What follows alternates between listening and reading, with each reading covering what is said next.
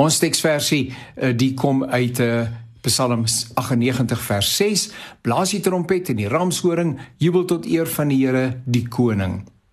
Jy is seker bekend met wat bekend staan as die Battle Hymn for the Republic. Nou ek al aan van die internet. Patriotiese liedjies het die krag om mense bymekaar te bring in 'n musikale viering van eenheid en liefde vir 'n land. Maar wat sing mense as hulle land homself verskeur? Dit was die ongelukkige omstandigheid tydens die Amerikaanse Burgeroorlog wat van 1861 tot 1865 geduur het. 4 jaar lank het die lot van die land in die weegskaal gehang en toe hier twee dele van Amerika op mekaar met ander woorde uh toegesak het by wyse van spreuke. Weet julle losweg het die as ek my verstaan is dat die suide en die noorde teenoor mekaar te staan gekom het. Dit is nou in die FSA. En 'n klomp state in die suide het 'n konfederasie van state gestig want hulle was van die oortuiging dat die noorde onder aanvoering van die president Abraham Lincoln uh onder andere hulle reg om slawe te akkommodeer daardie reg van hulle wou ontneem. En dit het aanleiding gegee tot verskeie veldslae. Kom ek halfweer aan en ek vererg vertaal uit die Engels. In November 61, 1861 het 'n vrou met die naam Julia Ward Howe en haar man Washington DC besoek.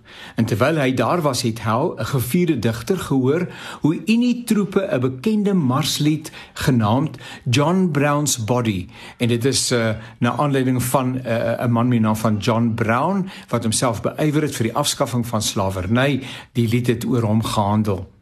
En 'n prediker wat saam met Hel was, dis nou hierdie digter, het haar toe aangemoedig en gesê: "Maar wil jy nie liewe nuwe woorde skryf vir hierdie wysie nie, 'n bekende metodistiese wysie?" En sy het toe geantwoord: "Sy wou dit al dikwels gedoen het." En nou sê sy en ek haal aan: "Ek het die volgende oggend in die grys van die vroeë dagbreek wakker geword en tot my verbasing gevind dat die verlangde lyne besig was om hulle self in my brein te rangskik." Ek het nogal stil gelê totdat die laaste vers in my gedagtes voltooi is en toe staan ek hastig op en ek sê vir myself ek wil dit nie verloor voor ek dit nie neergeskryf het nie. En sy sê ek het die lyne neergeskryf sonder om te kyk en nadat ek dit voltooi het, het ek weer gaan lê en aan die slaap geraak, maar nie voordat ek gevoel het dat iets belangriks met my gebeur het nie. Nou inderdaad, die woorde van Battle Hymn uh, of the Republic is natuurlik gevierde woorde en uh, dit is uh, woorde wat uh, deur die eeue aangegryp is as 'n lied wat iets van die van die emosie van mense wat onder druk verkeer uh, verwoord. Strydlied oorwinningslied, proteslied, getuienislied, verklaring van voorneme, lewensfilosofie, dis alles wat in so 'n lied opgesluit is.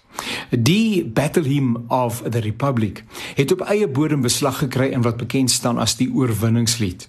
Daar is weliswaar minder protes daarin verwoord, maar die belydenis is daarom dat God steeds en altyd in beheer is en met ons op pad is.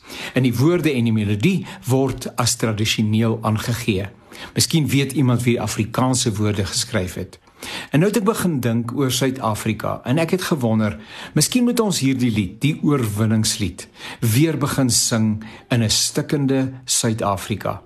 Wie weet, hierdie proteslied, die oorwinningslied, na aanleiding van the battle hymn of the republic, mag dalk net die weg baan vir 'n nuwe hoofstuk, die nuwe hoofstuk in Suid-Afrika waarna ons almal verlang.